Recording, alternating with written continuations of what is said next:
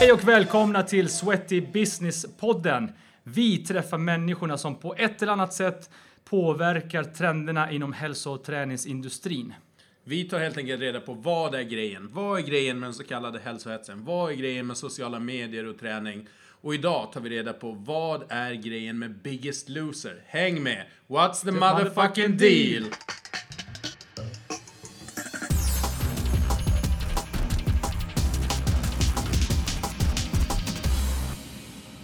Hon har inte bara jobbat som professionell dansare och koreograf bakom och för flera världsartister.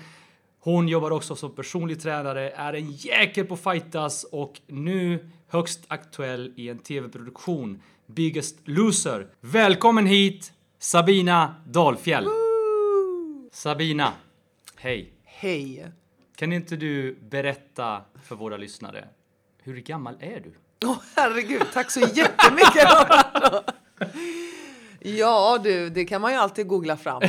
ja, du vill inte svara på det. Man kan liksom gå in på Google och läsa. Jo, det är klart. Jag är faktiskt 4-0 och det blev jag i eh, februari månad. Är det sant? Grattis. Ja, men tack så mycket. Big 4-0. Ja, the Ser big ut att vara 4 under 30. kan Nej. säga.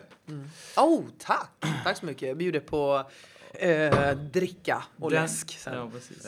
Var, eh, var kommer du ifrån och var är du uppväxt? Eh, jag är född i Göteborg. Jag eh, är uppväxt i både Göteborg och i Stockholm. Eh, beslöt mig för att söka till Balettakademin eh, 97. Och fastnade helt enkelt här, vilket jag är väldigt glad över. Det blev lite så naturligt. Ja. Får jag bara ta en, en följdfråga på det? Var, var i Göteborg? Var är du uppvuxen? Var... Jag är eh, uppvuxen i Angered, Hammarkullen, Hjällbo. Just det, Det är liksom den eh, ja, förorternas förort, skulle jag vilja säga. från orten i Göteborg. En väldigt ort. Mm, Nice. mycket ort. Hur ser din eh, resa ut inom eh, träningsbranschen? Du nämnde ballett, Balettakademin här, men vad har du för bakgrund? Eh, ja, ska man säga. Jag har ju dansat hela mitt liv. Så att, eh, det känns som att eh, jag kan inget annat än dans. Ska man eh, sätta sig ner och börja sy eller laga mat så är jag sämre. Men eh, jag började ju som fyraåring så att mamma har ju muntrat upp mig väldigt mycket till att dansa för att hon såg ju redan som liten att det gick inte att sitta still som var, nej men eh, in på någon dansskola tror jag. Så att jag började där och sen har det bara liksom fortsatt. Intresset ökade liksom så som barn. Ehm, och eh, det var ju både konståkningen däremellan när jag var sex år och sen gick det över till eh, karaktärsdans eller vad man ska säga tiodanser. Eh, Det som vi idag ser på Let's Dance kanske så ska man Just säga. det. Eh, och tävlingsdansade ett Är det tag. det som kallas ballroom? Ja, det kan man också kalla faktiskt. Mm. Tack. Varsågod. Jag kan verkligen se det i Let's Dance, Roberto. Mig ja. Ja. ja. Shit, jag skulle ha de här Alltså, jag, fantastiska jag, jag, jag skulle... Jag tror du hade briljerat där Ja, faktiskt, för att vara helt ärlig. Eh, nej men sen så ledde ju det vidare till att eh, det blev allvar. Alltså först började det med, med en hobby, liksom så. Eh, och sen basketen hade jag där just det. Jag hade basket på en elitnivå. Wow. Som då blev när jag skulle söka till gymnasiet. Eh, Eller till, ja, till det estetiska programmet på gymnasium. Där jag kände att basketen blev väldigt, eh, det tog för mycket tid. Lika mycket som dansen gjorde. Och där var jag tvungen att börja överväga faktiskt. Vad vill jag bli? För att eh, som ni vet själva så är man på elitnivå så är det, då, då ska man ju ja, lägga ner all sin tid på just det.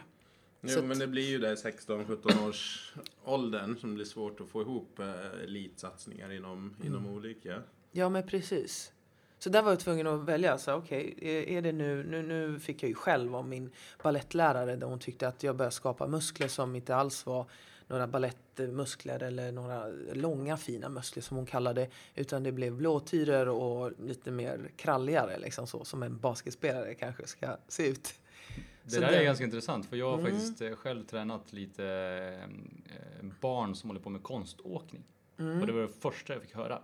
De får inte träna hårt och tungt för att då får de mycket muskler och det vill vi inte. Exakt. Ja, men det kan vi komma in på senare kanske. Men Ja. det var lite en avstickare. Det är ganska Ja. intressant eh, att Mm. det fortfarande lever kvar. Ja, absolut. Och resan vidare sen Ja, då? men vi, eh, vidare så från då estetiska programmet då var man ju, ja, hur gammal är man när man går på gymnasiet? Är man 18 då? 16 till Ja, 16. 19, 16 till 18 Ja, där ungefär. någonstans. Och då sa min lärare, nej du ska till eh, operan, eh, Göteborgsoperan på en audition. Ja, oj, för mig var det ju bara så mega stort som sådär liten. Wow. Och bara, "Ha, vad var det för audition då? Eh, du ska till London Contemporary. Du ska söka till en modern skola i London. För det är din grej. Jag bara, ja men herregud. Och hon fick mig någonstans att, jag tyckte det var ju stort i mitt huvud. Det- Herregud, det var liksom en dröm, dröm, dröm. Men jag tyckte någonstans att, men är det inte kanske, ska jag inte vänta lite? Ska jag inte bli lite mer mogen för det? Men det tyckte inte hon. Utan hon tyckte att det är nu du ska göra det. Och hon trodde på mig och det gjorde ju då att jag eh, sökte, eh, åkte dit och gjorde som hon sa och kom in eh, på skolan. Så att, eh, och gick där ett år. Det var meningen att jag skulle gå tre år. Men jag trivdes faktiskt inte i staden. Det var inte skolans fel. Utan jag trivdes inte där, hamnade lite fel där och, och det var bara... Men hur svårt är det att komma in? Hur många kommer in per termin eller år? Alltså de tar ju in, de åker ju runt i, om, i världen tror jag och söker bra dansare right, och talanger.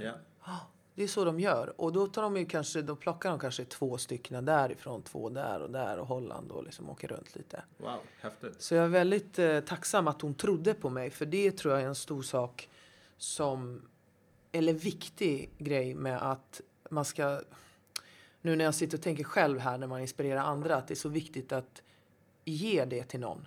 Jag tror på dig. Den är så jäkla viktig. Det kan vara, speciellt någon som man, ja, som min lärare i detta fallet, jag såg upp till henne så mycket. Hon var ju min Exakt. idol. Liksom. Och att hon bara säger en sån liten sak, det, det, det, man sår ett litet frö där. Och sen så blir det bara, ja, så Som, blommar det. som har påverkat hela ditt liv. Faktiskt påverkat hela mitt Men liv. bara nyfiket, hur mycket tid la du ner på dansen? Alltså nu pratar vi när vi var, när du var 16, 17, 18 Mm. år gammal där. Hur mycket tid, hur mycket, alltså vi pratar timmar per dag. Ja. Då var det ju, ja men precis, men då var det ju skolan då som eh, man hade kanske tre timmar dans. Ja. Och sen efter skolan så tränade jag ytterligare två till tre timmar dans. Så det var, det var ganska mycket alltså. Det var ju kanske sex timmar Just det. ner på dans. Jag hade alltid basketen med mig dock, ändå. Jag gick och körde lite streetball så här, eh, ändå. Men, eh, men eh, ja, dansen har all- alltid funnits med liksom, på alla sätt. Eh, så att det, var, det var en hel del. Det var Hur gick det i skolan då? Hur gick liksom vanliga ämnen? Nej, det gick ingen bra ehm, alls. Varken låg, mellan eller högstadiet. Jag var en riktigt dålig elev alltså. Ja. Jag slängde, ja men på riktigt, det var, jag var stökig. Eh, okoncentrerad, hade ingen fokus, jag skulle fnittra, jag skickade en massa lappar. Eh, var inte alls en fokuserad bra elev. Var jag inte. Eh, så att eh, en gång om dagen var jag tvungen att lämna eh, klassen, eller salen. Ja. För att jag var så ehm, stökig. För att någon lärare visade utifrån salen? Ja, hon så sa att så här, nu, nu räcker det Sabina. Nu Ja. stänger du dörren utifrån för Mm. att du, du är så störig liksom. Men var det överskottsenergi eller bara ointresse för, för Dels det, alltså det var en blandning där. Det var ointre- totalt ointresserad av eh, religion eller historia eller Ja. samhällskunskap eller vad det nu än var. Hade absolut inget intresse och mina tankar var nog mer på att jag ville bara ja, men dansa eller göra någonting annat som har med underhållning att göra.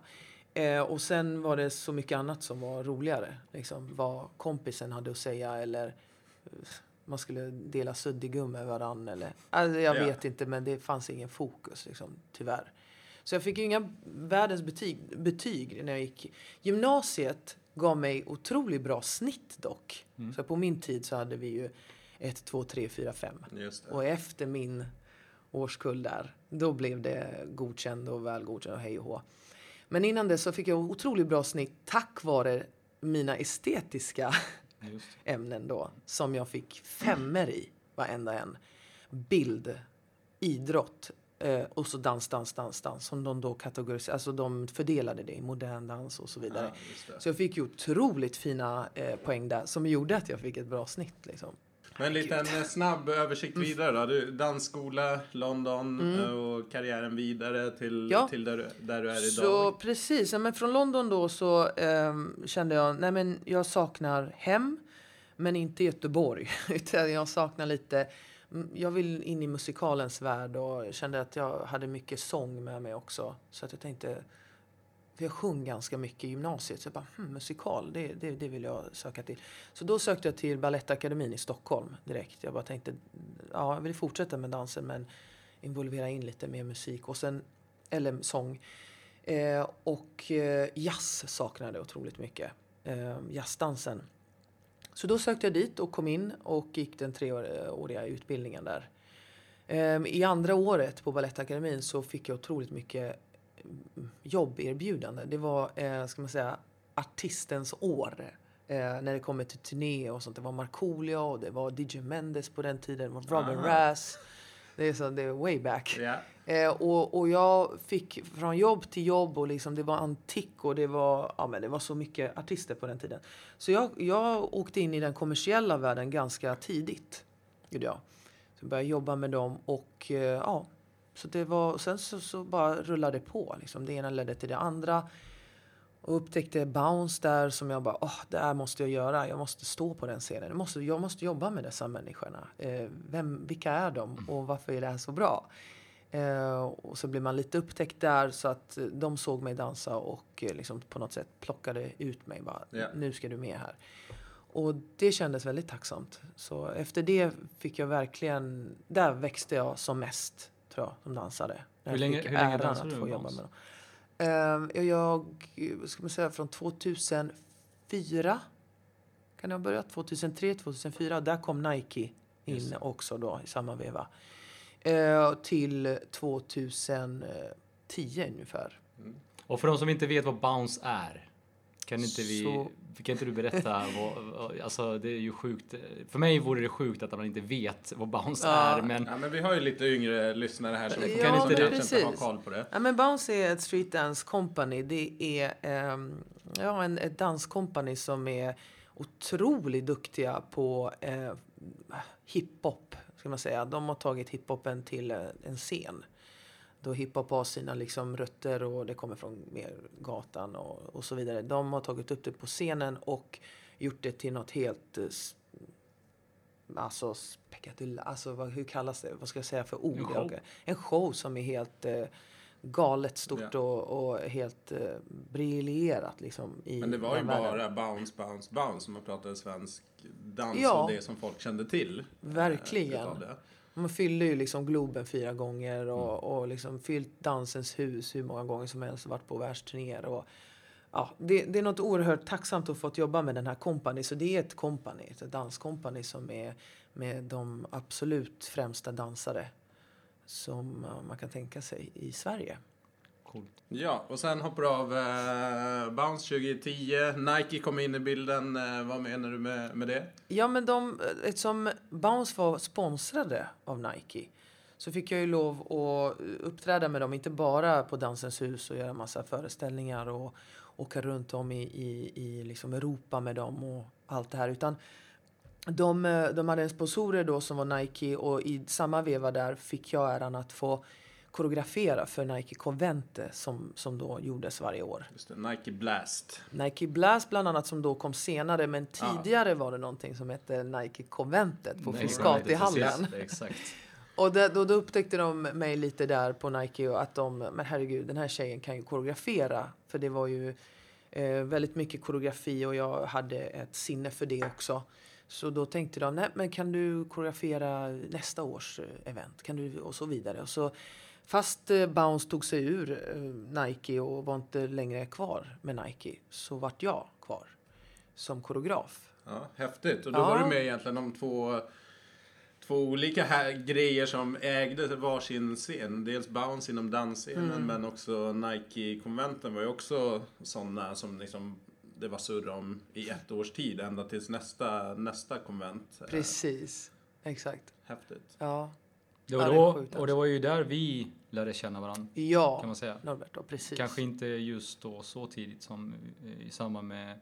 Nike Frescati, men i alla Mm. fall när det blev ännu större och, och jag fick ju förmånen att komma in i eh, Nike-teamet. Ja, precis. Som vi började träffa varandra lite mer frekvent och eh, vi hade ett bra team. Väldigt bra team. Ja. Du, eh, vi, eh, vi börjar prata lite grann om eh, det här med drömmar och så vidare. Men var det, var det här din dröm? Din dröm var ju då, om vi backar bandet lite tillbaka till det här när du kom, in till, när du kom till Stockholm och du Mm. började jobba med massa artister och, och musikal och du, allt det här du nämnde. Var det en dröm som gick i uppfyllelse? Eller vad drömde, vad drömde 16-17-åriga Sabina om? Liksom? Jag, alltså jag drömde om att få stå på en stor scen och få uttrycka mig Ja. dansmässigt. Och det fick jag göra. Och speciellt med Bounce var ju liksom, det var mitt mål. Lite. När jag såg det så var det lite så här, men det var ju, det är det här jag vill göra. Ehm, sen var det ju givetvis modern dans alltid något som har legat mig närmast hjärtat. Men Bounce på något sätt hade det också. Mm. De hade både hiphopen och moderna. De hade liksom allt. Alltså verkligen allt i ett paket. Och för mig var det så här, okej, herregud, närmare min dröm kan jag ju inte komma. Nej. För de har ju precis det jag vill göra. Jag vill uttrycka mig i den moderna dansen, jag vill uttrycka mig i hiphopen. Hur, hur kan jag hitta ett kompani som har allt det där? Just. Och Bounce hade det. Och ja, det var som att man bockade av det lite så här, yes, liksom. Och Men- sen Mello liksom och alltihopa som har varit i alla år. Och julgaler och allt. Men där har det varit mer show och det är också tacksamt. För det var ju också en dröm. Att få stå och göra Melodifestivalen år efter år. Det, det, det, det kan... Så du har checkat av liksom alla rutor för de drömmarna Ja. som du har haft. Du har följt ditt hjärta och, Mm. och verkligen Mm. gått din egen väg och sett till att fixa så att du får en närvaro där du kan få uttryck för din kreativitet. Exakt. Så jäkla ballt. Ja, Häftigt. det, det, och det är också bevisat att det går om man verkligen tror på det. Mm. För att eh, min eh, absolut... eh, Jag hade ju en till som jag inte bockat av som jag kommer få leva med. Och det är ju att få åka på Madonnas turné. Just. För att jag fick en chans att komma dit på audition och gjorde inte det. Så idag sitter man där. Så det är därför jag bara säger till alla, ta chansen. Varför gjorde du Hela inte det? tiden. Åh, alltså jag hade precis pajat mitt knä eh, 2009 och hon skulle göra sin... Eh, eh, åh, vad heter den turnén som hon gjorde där? Jag kan inte komma på exakt vad den hette, men hon skulle göra den stora turnén och jag var, kände en kille som var med där. Eh, Norman och även Steve Nestar som var med. Och de sa det till mig att kom med mina syrror. Eh, hon ska in till en klubb och eh, ni tre syrror är perfekta för det här. Ni måste bara sätta ihop något. Och då när jag hade pajat knät då kände jag så här, fan jag är lite svajig, jag är inte i form. Och började tveka. Sen tänkte jag så här, nej men jag klarar mig ändå, jag kan ändå, fan det här är ändå en chans. Men jag åkte inte. Och det, det var i London som, som den här audition var. Och, och sen såg jag några av mina kompisar från Danmark som fick den här äh, turnén. Och du bara, Och jag, och jag fan. Men samtidigt jag är jätteglad för Stefan och alla som, som liksom är med och kör fortfarande än idag till och med. Men där kan jag känna någonstans, varför tog jag inte chansen? Så det, var, det är faktiskt den enda drömmen dansmässigt som jag inte har riktigt bockat av. Men var det, var det mer rädsla som styrde dig i det här fallet? Att du inte skulle klara av det, Ja, att inte komma med. faktiskt. Men vad var det, vad var det då? Var du, var du orolig för att misslyckas då, eller? Ja, Så att du kors. inte tog chansen? Ja, eller jag trodde någonstans inombords så trodde jag på att jag kan. Alltså Ja. jag trodde på att jag kan få till en plats liksom Mm. i, i crewet. Det var bara det att jag trodde inte riktigt på att mitt knä skulle palla. Okej. Men efter det så blev jag ju starkare. Alltså jag blev ju mycket starkare i knät och jag såg till att nej, det finns ingenting som ska stoppa mig. Men då kändes det som att det var lite för sent. Var, varför tog jag bara inte chansen innan och bara gjorde audition och, och gjorde turnén liksom? Mm. För jag vet att jag någonstans har en känsla av att jag hade faktiskt kunnat åka med på Mm. den turnén. Det känns som att vi tror det också. Ja, ja, men det, Men ja. du, eh, du är ju också personlig tränare. Hur, eh, hur kom du in på den, eh, den banan och hur... eh, Ja, du är ju aktuell med Biggest Loser nu bland annat som kanske är en, en frukt utav det också. Men Mm. hur, hur har den resan sett ut? Eh, jo, eh, den kom väldigt perfekt nu när vi pratar om ett knä. Eh, personlig Mm. träning. För att eh, då gjorde jag gökboet, eller tränade in gökboet med bounce. Eh, och fick en huvudroll där. Eh, så sjukt tacksamt faktiskt. Men där pajade jag korsbandet. Där sa korsbandet Alright. tack, hej, nu, nu räcker det. Liksom. Och det är för att jag var så himla otränad på baksidan. Eller baksidan, otränad man, alltså som dans, dans sliter ju på kroppen. Man, man, man tror att ja, men dans är en bra träning, men du måste ha en träning bredvid oavsett vad det är för egentligen sport man håller på med. Så måste man träna, man måste ha en, eh, en träning vid sidan om. Och det tog inte jag, det var inte jag noga med. Efter den eh, skadan så rök både Norrlandsoperans West Side Story framför ögonen ett kontrakt som jag hade skrivit på Norrlandsoperan. Alltså det var också en dröm som Mm. jag ville göra eh, med West Side där, med Benke då som koreograf och fantastiska dansare med och verkligen en dröm. Benke ska vi tillägga då. Benke och Jenny Widegren, det är ju de frontfigurerna kan man säga för Bounce, eller i alla fall de vi har sett mycket av Stämmer. eh, i Bounce-kompaniet. Ja, de, definitivt. Mm. Fredrik. Så du skadade dig och lite drömmar Ja. gick i kras eller i, i alla fall eh, Ja, både mål? korsband och, Ja. och menisk och allt. Och där låg jag liksom och vinkade av gänget som åkte till London och gjorde världens turné med Jökboet. Då fick de ta in en annan då tjej som skulle eh, köra min roll. Eh, repade in henne och Norrlandsoperan hoppade min syrra in och körde min roll där. Eh, ja, så efter det tänkte jag så här, nej, det här går ju inte. Så då nördade jag in i kroppen och läste anatomin och tänkte, PT, personlig tränare, jag vill hjälpa andra till att faktiskt kunna hålla längre. Och kunna inspirera andra till att, eh, vill ni hålla ja, långt in i er danskarriär, då krävs träning. Så då sökte jag till, eh, sökte jag till The Academy som personlig tränare Ja. och kom in där och eh, pluggade där och eh, fick äran att få jobba på nummer 18 direkt då på ett Just det. gym.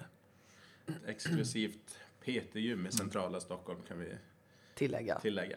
Ja, men jag kommer ihåg, för att det var nog ungefär samtidigt som eh, du och jag lärde känna varandra lite grann och jag kommer ihåg att du hade jäkligt bestämt mål. Du, Mm. Det var ju väldigt mycket att du ska hjälpa dansare att bli starkare. Ja, så att det. inte de hamnade i den situationen som Mm. du hamnade i. Så du hade ju liksom ett klart och tydligt mål när du gick in och började utbilda dig till personlig tränare. Det var det, klart. Gjorde du alltså när du var klar med skolan där, gjorde du det sen då? Jobbade du då med, med, med dansare och du tog fram ett, till och med ett eget koncept, kommer jag ihåg. Ja, jag hade jättemycket idéer, det stämmer. Ja. Och ett koncept och vad jag ville göra med balans och hur man tränar upp baksidan. Och, för jag visste exakt vad som krävdes för att eh, inte paja liksom just korsbanden och så, som är väldigt vanligt inom dansen.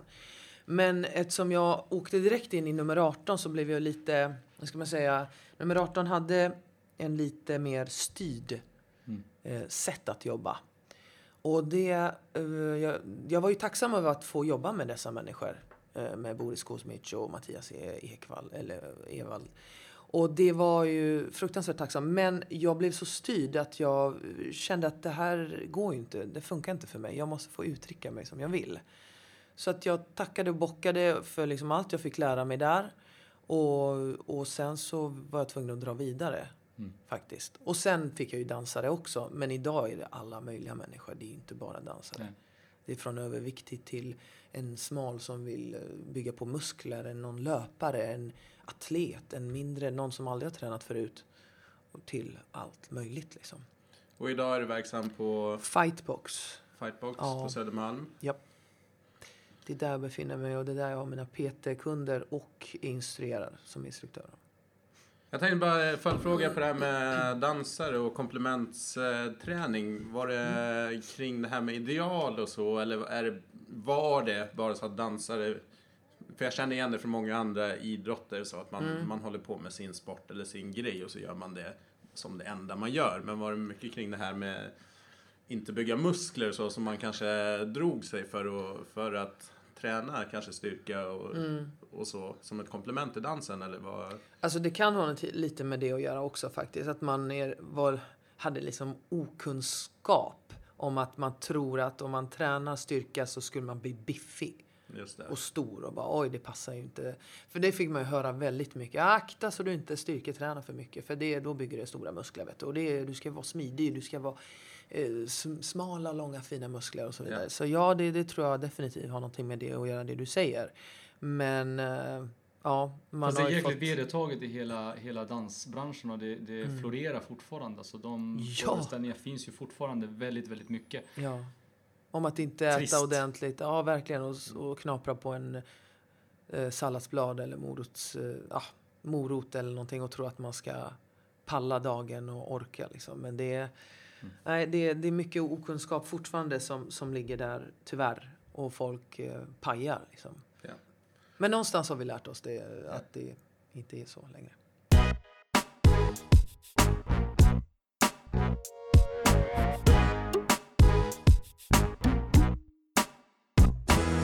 Då undrar jag om du har något särskilt träningsminne eller upplevelse som eh, du bär med dig Mm. närmare hjärtat än någonting annat? Alltså det, jag har ju ganska många.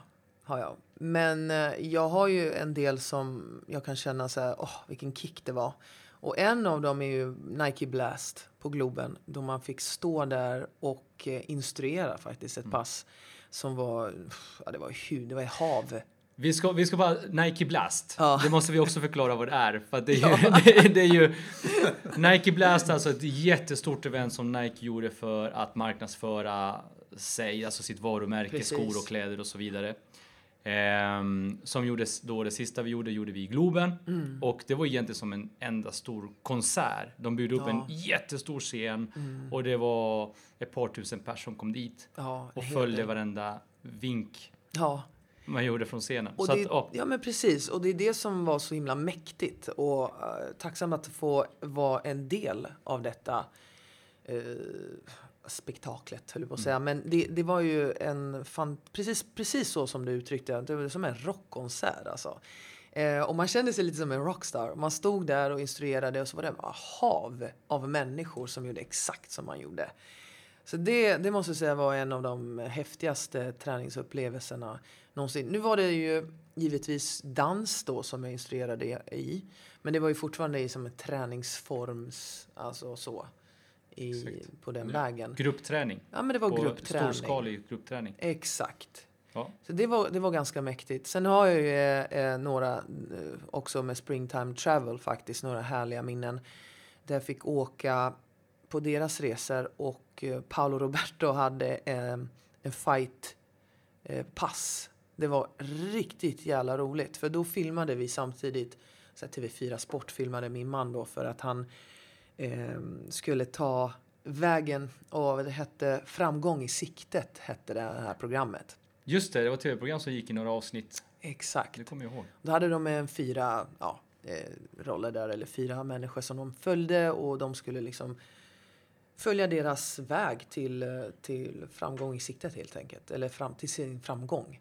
Och ehm, eh, där var de med och filmade. Men det som var i alla fall roliga där är att Paolo hade en jätte, ett jätteroligt pass som jag aldrig glömmer. Det var ett fight-inspirerat pass och han är bara karaktär i sig. Så att det var ju bara otroligt roligt. Vi fick, Skriker eh, sjukt mycket. Ja, vi skriker.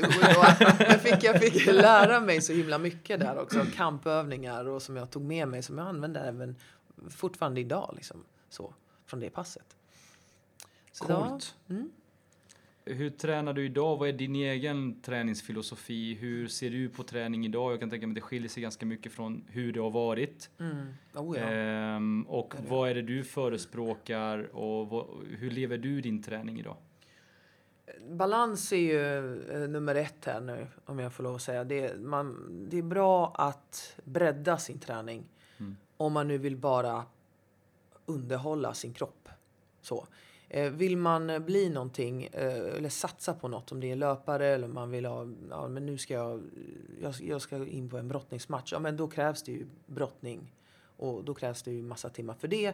Och då tränar på- man på ett visst sätt. Men vill man bara underhålla kroppen, vill man bara ha ett hälsosamt liv.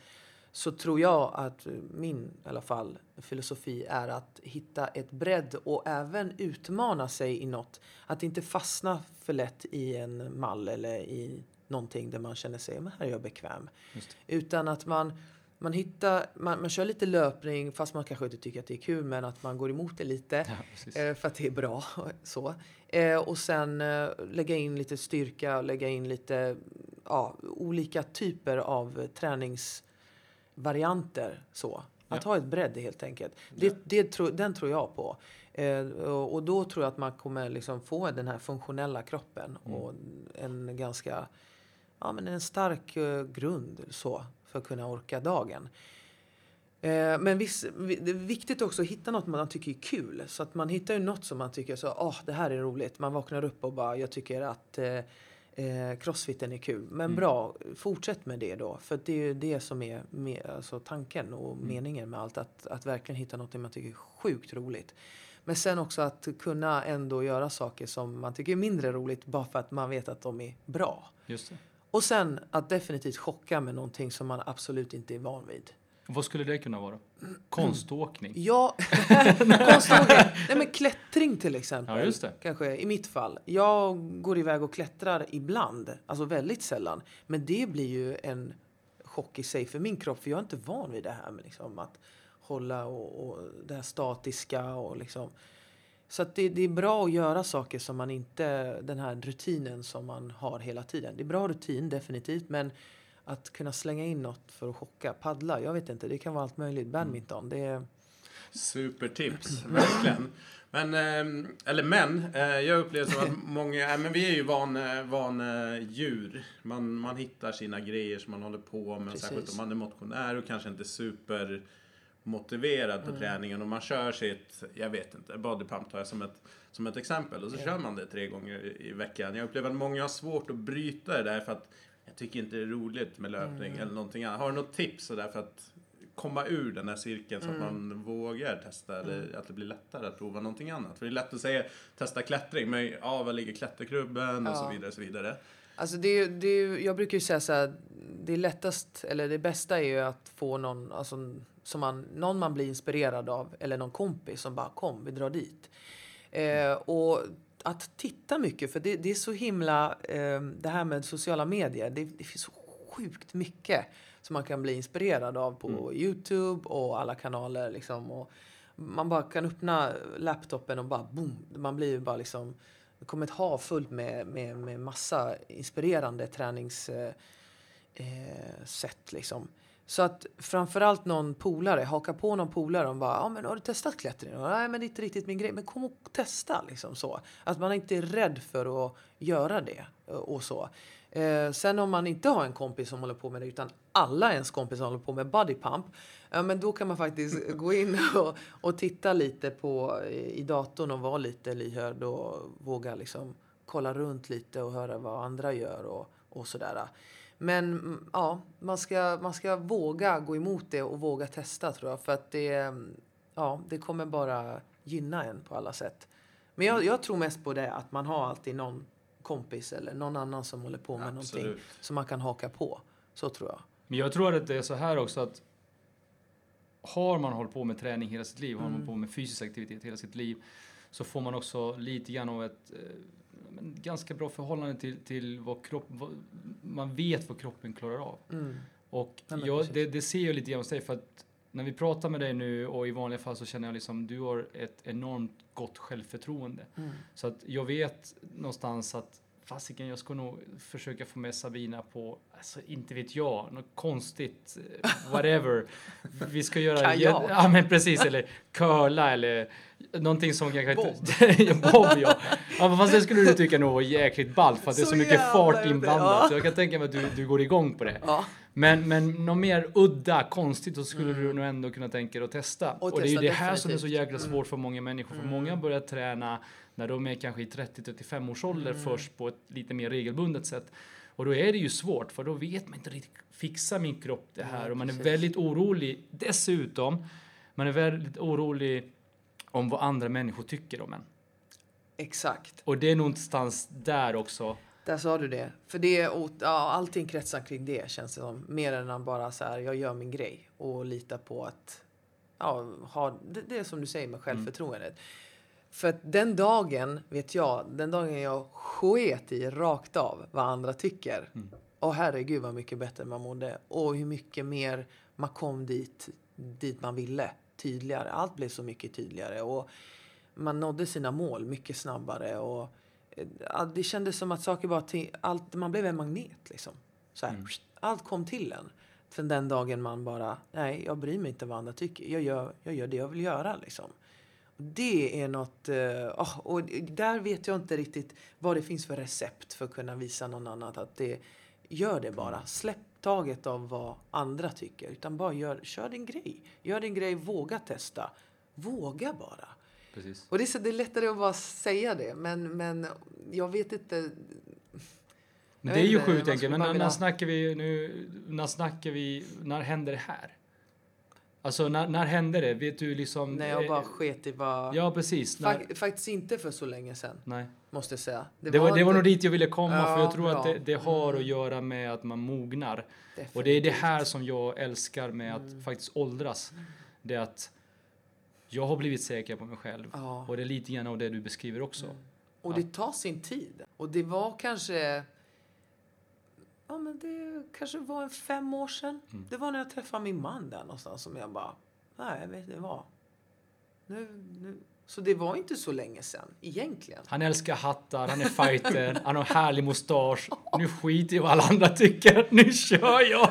Nej men jag, det. här är superintressant. Jag tror det här om man pratar liksom generellt sett. Nu pratar vi träning, men vi pratar livsstilsförändringar och så generellt. Det är mycket det här det ligger i att det är så mycket inbyggt förväntningar på hur man ska bete sig, Exakt. vara sig. På jobbet, fika, ja men tar man inte kanelbullen så är man liksom jättekonstig om man tar en frukt istället. Och normen är nästan att man ska, ska välja det onyttiga. Eller sämre tycker jag då, alternativet. Och bryter man av från det så, så tycker folk så himla mycket. Så jag Så utmaningen, jag ser utmaningen för om man vill förändra någonting. Som det är som, som Sticky Nicky till exempel, den här glassen då som jag tycker så mycket om. De har så här veganglass. Jag äter inte och dricker inte mjölkprodukter med i eller, eller äter inte någon gluten. Men de har ju eh, en glass som är så jäkla bra. Och då var det någon så här, jag har sagt det flera gånger, jag bara, Åh, vi måste gå och käka den här glassen, Sticky Nicky. Men gud Sabina, äter du sånt där? Man bara, eh, ja. Eh, Eller som du säger nu, kanelbulle. Liksom, man blir direkt så här... Ja men Ja, det är dum något att bara, men vad konstigt. Vad, om det är någon som kan äta det, fan, då är det jag. Alltså så kan jag tycka någonstans. Men det här var ju ganska intressant, för jag, det är också en sån här grej. Jag testade ju det så kallade paleo. Eh, Ja, det gjorde jag dieten med. Det väldigt, gjorde jag med. eh, Under Mm. ganska lång tid. Det gjorde jag Stenålderskost. med. Precis, Ja. stenålderskost. Slarvigt Precis. Exakt. Eh, och jag modifierar lite i det, för jag älskar ju yoghurt, så det kunde jag ju inte leva utan, så jag var tvungen att käka fet yoghurt liksom. Eh, men, men jag var ju väldigt strikt i väldigt många år. Likaså när jag testade GI-dieten. Ja. När det kom Mm. så, så, eh, så testade jag också väldigt strikt under många år. Men du har ju valt nu att Mm. gå på det. Och det är intressant för mig att veta varför du gör det och, och är det så att man verkligen mår mycket bättre av det? Du mår mycket bättre av det. Jag, ska, jag kan svara så klart på det här. Det är så individuellt Mm. med hur vi alla funkar. Man kan inte säga så här, lägg ner det och det och det, kommer du må bättre? Nej, det funkar på mig. Alltså jag mår bra utan mjölkprodukterna. Jag mår bättre när jag äter det så. Sen kan ju någon annan sitta och säga så här, ja men det är för att du har vant av kroppen och när du får i dig det så mår du dåligt. Nej, utan jag mår faktiskt mycket bättre Mm. av att inte äta gluten eller bröd eller så. Sen är jag inte så här mega strikt. Alltså det händer ju att man äter eh, någon macka på Mellqvist liksom med, med någon kopp kaffe. Liksom, Mackor ibland. är gott alltså. Ja, och då... det är sant. Det är ja, men det är ju det. Faktiskt, det är ju det. Ja. Eh, och jag måste rakt av säga att en glutenfri, glutenfritt bröd är inte eh, lika inte gott. gott, alltså. alltså. För det är just det här gluten som gör att det samma sätt, ja, det blir fint och härligt surdeg och liksom så. Men eh, jag, jag mår ju bättre utan det. Och sen så är det inte så för alla. Återigen, det funkar bra för mig. Mm. Och det är därför jag väljer att vara utan. Precis. För jag känner mig lättare, jag känner mig liksom framförallt lättare i kroppen på något sätt. Just när vi säger paleo, när jag gick i paleo-världen där ett tag för att bara testa. Mm. Eh, jättebra mat. Fint och inga raffinerat socker och ingen gluten, ingen mjölk. Precis det som jag liksom, men jag blev ju tung av det, till exempel. Då kanske det var köttet eller något, alltså jag vet inte, jag, jag äter ju kött men det gjorde mig tung så där, då passar inte paleo mig egentligen alls. Sen Med tror jag att, jag vet inte, jag har en tes. Jag tror så här. Det är precis som du säger. Om jag tror nu att exempelvis käka en kanelbulle om dagen kommer göra att jag mår bättre så kommer jag förmodligen må bättre av det. Så sant. Det är ju så mycket placebo. liksom. Ja, det är det. Det är För- så mycket För att tittar vi power på of mind. forskning Alltså. så är det en helt annan sak. Men det är intressant ändå liksom Mm. eh, bara höra vad alla människor tror på. Jag tror att Mm. tror man på någon, en viss sak så kommer det förmodligen göra att man mår bättre. Alltså, och jag håller så mycket med om det där. Det är så mycket psyke, är det. För det är som du säger, äter jag kanelbulle, det, det är som att eh, man ska gå på någon diet eller någonting och man känner så här, åh nu har det gått en vecka och jag bara, åh, jag känner mig verkligen, rutorna kommer fram. Och vad har man egentligen ändrat? Man kanske har bara ändrat lite att man dricker mer vatten än vanligt eller någonting. Alltså det är så mycket psykiskt. Vill man åt någonting så Ja men som en kanelbulle i detta fallet då. Ja, imorgon jävlar, alltså jag, min mage kommer bara svälla upp. Ja, då kommer den göra det Ja, liksom. så exakt. lite sådär. Eh, istället för bara, nej men det här kommer jag känna mig i bra form fast jag ätit så och så. Ja men då gör man, då kommer man känna sig i form. Alltså det, det är mycket psykiskt alltså. Jag. Härligt att åldras. Ja det är Blir det. man så klok. Ja det blir man.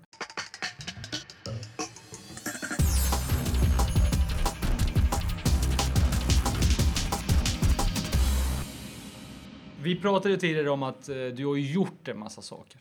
Du har ju varit professionell dansare och du har dansat bakom världsstjärnor. Wyclef kände jag. Alltså, så här, Wyclef jag, jag, har, jag läste det någonstans, stämmer det? Ja, det gör det faktiskt. Han är ju, han är ju grym, eller? Ja, absolut. Han är, är fantastisk och eh, bra. I alla fall, liksom, alltså, hans duktig. musik älskar jag. Sen Ja. känner jag, jag vet ju inte hur han är Nej som men person. alltså men- både, det var den eh, eran eller den tiden då som, som det var mycket artistjobb och, och så vidare som jag nämnde tidigare. Eh, Ricky Martin var ju här, eller Ricky Martin var ju här i Stockholm. Ah, också eh, härlig det, artist. Ja, också här också. Ja, kan jag tänka mig latino. Hej. Eh, Maria, Maria. Ja, men det var ju MTV Music Awards och han var då med. Och då fick vi vara med och dansa. Vi var ett, ett helt gäng dansare faktiskt. Mm. Eh, som var med. Och där, det var sjukt roligt. Det var en kick liksom. Man fick stå där på en scen och man var ung och det var exakt det man ville göra. Sen var det Energy-galan i samma veva liksom. Som MTV Music Awards. Eh, och då var det Wyclef Jean som kom och då fick jag eh, köra också med några tjejer. Körde vi eh, på en scen med honom. Eh, och det var, det var en kick. Men sen då, det var ju bara det lilla. Det var ju inte så att det var på någon världsturné med dessa människor. Utan det var, ju- fick, jag fick äran att få, eller eh, äran att få eh, uppträda liksom, med dessa arti- artister. Det där man fick jobba mer med, det är ju de svenska artisterna. Ja. Och det är ju inga, precis, och det är inga, ja precis, berätta Nej, men som Danny Saucedo till exempel, där fick jag ju skapa till och med eh, koreografier och eh, backa honom i flera av uppträdande och Erik Sade och Loreen där på Eurovision och eh, Alcazar fick man jobba med ganska mycket Mm. och eh, ah, gud, Darin fick man jobba med mycket, många för att nämna några liksom. Mm. Så det var, där fick man ju vara med lite mer. Och Men det, det jag kan tänka mig, för det är ju så här, har man ändå dansat bakom fler utav de artisterna som du nämnde, Mm. så måste det ändå vara jäkligt bra för CVt, eller? Ja, det tycker Och jag. kunna säga så här, vet du vad, jag har faktiskt Mm. dansat bakom Ricky Martin. Jo, faktiskt. Eller Wyclef Jean. Ja, faktiskt. Eller Danny Saucedo för den delen också. Ja, Eller hur? ja, det, ja, det... det, var det, och det är det här vi kommer in på, för att det är, det är ju många som tror, tror jag, att det är så glamoröst på något sätt. För att det, allt Mm. det du här berättar, det är nog du har levt en dröm. Du, du har ju levt min dröm kan man säga. För jag, jag drömde ju också om att bli musikalartist. Det var ju Mm. Ja. egentligen det jag, jag ville göra. mm. Och sen vågade jag liksom aldrig riktigt ta tag i det. Jag vet inte om det var förutsättningar. Jag vet inte vad det beror på. ja, Men, men där är den rädslan som vi pratade exakt, om. en rädsla och kanske inte tillräckligt bra självkänsla Tro. och hela det här grejen. Ja. Och sen så hade jag, jag, jag hade väl inte den här läraren eller den människan som sa till mig att "Nej, men, du ska göra det så, bara sparka iväg mig. Nej, precis. Eh, sen vet jag inte hur talangfull jag hade blivit, förmodligen inte. Men Men jag Det- tror att du hade det. Jag tror Ja, det var snällt. det. Men, Ja. men i alla fall, det jag vill komma in på det är ju det här att det är ju ett kreativt yrke, precis som att hålla på och måla eller göra Mm. musik och så vidare. Och jag vet ju, eh, eftersom jag har flera kompisar, vänner som är dansare, Mm. så vet jag att det är tufft ekonomiskt. Väldigt. Ja. Alltså pengarna, det, det, det, det står ju fortfarande... Ja, det är samma summa som det var för kanske 15 år sedan tillbaka. Det är, och vi har faktiskt haft lite möten kring detta. Ja. Alltså allvarliga möten. Vi har samlats ihop och bara, nu måste vi stå på oss. Vi Ni inte- som, ni som, ni dansare vi så att säga. aktiva Ja. inom branschen har haft fler, flertal gånger eh, ja, men diskussioner och som är, vi har haft paneler. Så vi har haft allt möjligt för att Mm. vi ska ehm, öka våran gage. Liksom Ja. så. Men det finns alltid de, det är så svårt i den här konstnärliga branschen. För att det finns alltid någon som bara, nej men man vill bara dit. Man vill Mm. bara sätt, få in fot liksom. Ja. Men jag gör det gratis. Så här. Ja. Jätteduktig, liksom, talangfull dansare. Och, och, och sen så, ja, då tänker jag så här, varför ska vi Today när vi kan ta den här tjejen som är... Men liksom- är inte det, jag upplever som ett generellt problem om vi pratar träningsbranschen i stort. Mm. Eh, för jag har hyfsat bra koll på PTs ersättningar och gruppträningsinstruktörer på, på kedjorna. Precis. Man, som ändå är de, de som har flest anställda. Att lönerna står ju ganska stilla och i, i, i många fall så, så backar det. Mm. Och Jan Norbert har ju kört en del eh, eget tillsammans och utomhusträningar och företagsgrejer och sen har vi fått förfrågningar från seriösa stora bolag kring ganska avancerade upplägg och sen presenterar man ett upplägg där vi får rimligt betalt och där, där de ändå får en, en, en schysst deal men ändå rimligt betalt för våra timmar och sen slutar det med att någon annan rackare har gått prisats in för att de vill ta sig fram. Exakt. Och det är precis så med dansen också. Exakt så det funkar. Och det bara går runt så. Så vad gör man? Alltså jag vet Ja. faktiskt inte. Idag så är det, det är lite skillnad exempelvis om du ska ha en IT-människa, alltså någon som hjälper dig med IT på ett eller annat sätt så, så vet man. Eller ta till exempel en rörmokare. Ja. eller en elektriker så vet man att men det kommer kosta ungefär så här mycket för det kostar ungefär så här mycket per timme och då har du liksom ingen val. Så att det är ju lite grann det som är den stora skillnaden att det, det beror ju på från person till person vad man vill göra och hur pass mycket skills man vill köpa. Men det, det har ju att göra lite grann med entreprenörskap. Jag tycker att det ingår i entreprenörskapet också att säga ja men jag vill vara med där och jag gör det gratis. För att liksom någonstans det måste man också få göra. för att faktiskt. någonstans visa fram fötterna och visa Precis, att jag att kan. vill. Och jag vet att om jag tar nu 50 000 för det där så kommer jag inte få det. Men däremot om jag går in och säger, ja men vet du vad, jag gör det här gratis. Mm. Eh, det, det ingår någonstans i entreprenörskapet. Mm, det men men eh, det. någonstans där så blir det ju vedertaget på något sätt. Mm. Jo, fast jag tycker det ingår i entreprenörskapet om det finns en strategi kring det. Jag Ja, upplever ja. som att många att man prisar sig in och sen blir det diskussioner inom både inom PT och grupptränare så pågår det mycket Mm. diskussioner eh, kring, kring det här. Man diskuterar hur, hur ska vi bli starkare som grupp men samtidigt så slår man krokben för sig själva internt så att det måste ju börja där att man enas om att ja, men, det ska ligga på en, på en viss nivå så att absolut att man kan prisa sig in men många försvinner ju också efter två, tre år. Eh, för att man, man får inte ekonomin att gå ihop och sen tar man ett vanligt jobb eh, inom situationstecken och så har man lämnat och sen kommer nästa person som ska prisa sig in och så försvinner den efter två, tre år. Så att jag, ja, absolut kan man göra gratis deals hit och dit men då måste man ju ha en plan på att man faktiskt ska kunna ta betalt. Men om alla ska prisa sig in så blir ju det här, att det blir noll löneutveckling. Mm. Och så bara går det runt så hela tiden. Jag, jag, jag, åh, det här är, det här är en, verkligen en sån viktig fråga. Men att man aldrig lyckas komma någonstans med den. Alltså vi, kom, vi kommer aldrig, vi, i alla fall inom dansbranschen så har vi aldrig lyckats. Men jag tror att det ligger snarare på den enskilda individen som Ja. faktiskt erbjuder sina tjänster än de som anlitar. Mm. För att om, precis som Brian säger, om man har en strategi och man får med sig lite mer verktyg så man vet att ja, men Mm. jag har en plan med det här för att kunna försörja mig framöver. Så vet jag att ja, men jag, kommer kunna, jag, jag kommer behöva ta några gig som är gratis eller som är dåligt betalda för att jag är på väg någonstans. Mm. Men det är ju det som händer, att det, många fastnar just i det här att de jobbar gratis för att de tycker det är så härligt och det är Ja. passionen man jobbar. Precis. Och det finns inte så den många där. branscher som man skulle kunna tänka sig säga, ja men jag jobbar gratis. Hej, jag är sjuksköterska men jag ska ta hand om människor. Ja men det är klart jag jobbar gratis, det gör Men man ju inte. Nej, det gör man kassan, definitivt kassan inte. på ICA gratis. Du jobbar där och du har ganska bra betalt om du jämför med träningsbranschen. Men är skillnaden att man jobbar med sin passion Jag här? vet. Att, att man Får är inte att så komma jäkla taggad på att få jobba med dans eller med träning så att man, Mm. man är nästan beredd att, man är beredd att jobba gratis till viss del för att få jobba med, med sin passion. Precis, precis. Jag brukar ju säga, jag har ju tackat nej till jättemycket jobb här på sista tiden. Just för att det är gratis. Eller det är inga pengar alls. Liksom. Eh, och, men jag har ändå sett att någonstans, man bygger ju upp någon, man, är, man har liksom byggt upp sitt varumärke och sådär. Och, det kommer framförallt mycket i träningsbranschen nu med tanke på att det känns ändå som att det är, dansmässigt har man ju etablerat lite, okej, okay, man lite namn och så bara nu kan jag faktiskt ta eh, betalt och känna, eller tacka nej av ren respekt och så går man vidare. Men i träningsbranschen känns det ändå så här, jag är ändå ny, ska man säga, jag har inte varit med i den världen så länge som i dansvärlden. Ja, jag fattar. Och där har jag varit lite sådär, okej, men det, det tog ju fart riktigt fort för mig där med Biggest och så. Och då sa folk så här, efter Biggest så har du faktiskt Sabina all rätt att kunna sätta pris. Liksom. Mm. Och där känner jag, så här, själv känner jag någonstans att visst det kanske jag kan för att man har blivit en, liksom, en mer eh, offentlig person eller så, ett mer starkare profil. Men samtidigt så bara, men vänta, ska jag jämföra med någon som har jobbat i träningsbranschen i alla herrans år som jag har gjort inom dans? Mm. Hur mycket, hur gör jag där liksom så?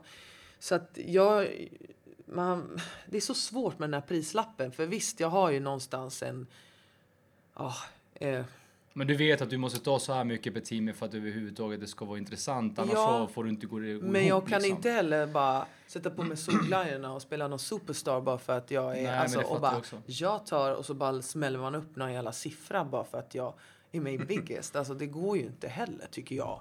Personligen i min, vad jag Nej, känner i hjärtat. Men det här är ju jätteintressant och det är ju viktigt för att Mm. det som du var inne på det här med varumärke. Varumärke gör ju skillnaden. Det vet Ja. vi ju idag exempelvis. Så vet vi, eller de flesta vet i alla fall, att en Audi, en Volkswagen och en Skoda det är precis exakt samma bilar mer eller mindre. Det är bara Mm. det att man bygger varumärken på olika sätt och då kan du Precis. identifiera det med liksom, men Mm. jag är en sån eller en sån och så kostar de olika. Mm. Eh, det är ju, och det är ju det som har hänt då med sociala mediers explosion. Det är att alla kan idag, alla är sin egen PR-byrå och sen så får man ju sköta det själv och, och vissa gör det bättre än andra. Mm. Eh, och det är klart att det spelar roll. Ja, det är klart. Definitivt. För det spelar ju roll för mig som individ också. Mm. Ja, men, och kunna säga, för det är ju status. Det är ju status fortfarande Mm. faktiskt. Även fast det är kanske lite mer utbrett. Men det är Mm. fortfarande status att säga att man, ja, men jag har en PT. Jag, Ja. har, jag har en tränare. Ja, Eller hur? det, Och det är så här, ja men jag har Kalle Karlsson på Ja. det gymmet. Eller Ja, jag ah, jag tränar med Sabina Dahlfjäll. Ja, du vet hon från. Biggest Loser. Oh, Ja. Alltså det blir ju en helt annan Ja, sak. men det är det här namn och kvalitet. Men också kvaliteten. Jag kan känna så här, om jag nu tar materiella grejer som exempel. Eh, ja, men solglajjor till exempel. Nu är det ett materiell. så här. Men Mm. Louis Vuitton till exempel. Jag, jag skulle vilja ha de där glasögonen från Louis Vuitton. Det är kvalle och det är ett namn. Och de må kosta. De kostar fyra lax alltså. Sen har vi en an, ett annat par där som är billigare variant. Som kanske går paj, men de ser exakt likadana ut. Men jag vill ändå ha de Ja. där glasögonen. Nu är det hur? materialistiskt. Ja, ja. Men, men ni fattar vad jag menar. Ja, absolut. Och ja, de kommer hålla förmodligen hela livet också. Det är kvalitet Mm. på de där. Men det är viktigt med Så varumärke, så kan vi lite- Ja, säga.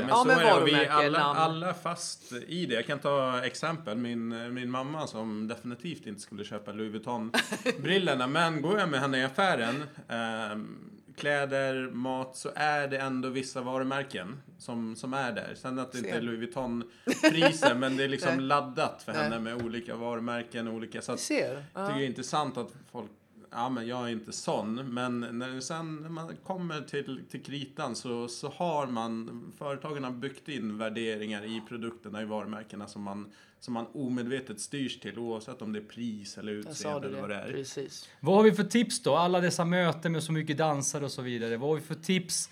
Jag är, jag är 15 år gammal. Jag är uppvuxen i en liten ort någonstans i Småland. Nu pratar jag om mig själv, för det är faktiskt så. Du var uppvuxen i Angered i, i Ja. Göteborg. Eh, vad har du för tips om man nu ska liksom ta sig hela vägen och, och eh, slå sig fram? Ja, tipset är eh, stå fast vid din dröm. Och man ska absolut inte, lättare sagt eh, egentligen, men man ska försöka i alla fall tänka att inte bli påverkad och någon annan som ska sätta några käppar i ens hjul eller så. Var väldigt målmedveten och tro starkt på den drömmen. För att tror man så starkt att ingen alls kan komma emellan, det vill säga att du, du bara ska dit. Det är en självklarhet. Och hur en stor den drömmen är, så eh, sikta mot den och eh, den kommer komma till dig. Alltså det, det är mitt tips. Och det kan låta jätteflummigt, men det är verkligen så. Och det funkar. För att så fort man börjar tveka på vägen, det är då som det inte händer. Och då kan man säga, men varför händer det inte? Jag tänkte ju på min dröm. Ja, fast du tvekar på vägen och du bromsar in dig mm, för att någon annan säger si, men ska du iväg? Nej, men nej, du duger inte, eller vad det nu är. Men skit i vad andra tycker. Sikta dit, titta på målet starkt och tro på den. Så det, det, det, du kan inte misslyckas. Har du Det haft går någon, inte att eh, misslyckas. någon medveten strategi eller tänk kring, eh, kring ditt eget personliga varumärke? Eller Ja. har saker och ting fallit sig efter, efterhand? Eller när du ser tillbaka, har du, har du haft Mm. någon, någon plan? Så? Jag har inte haft någon plan på det sättet mer än att jag bara har...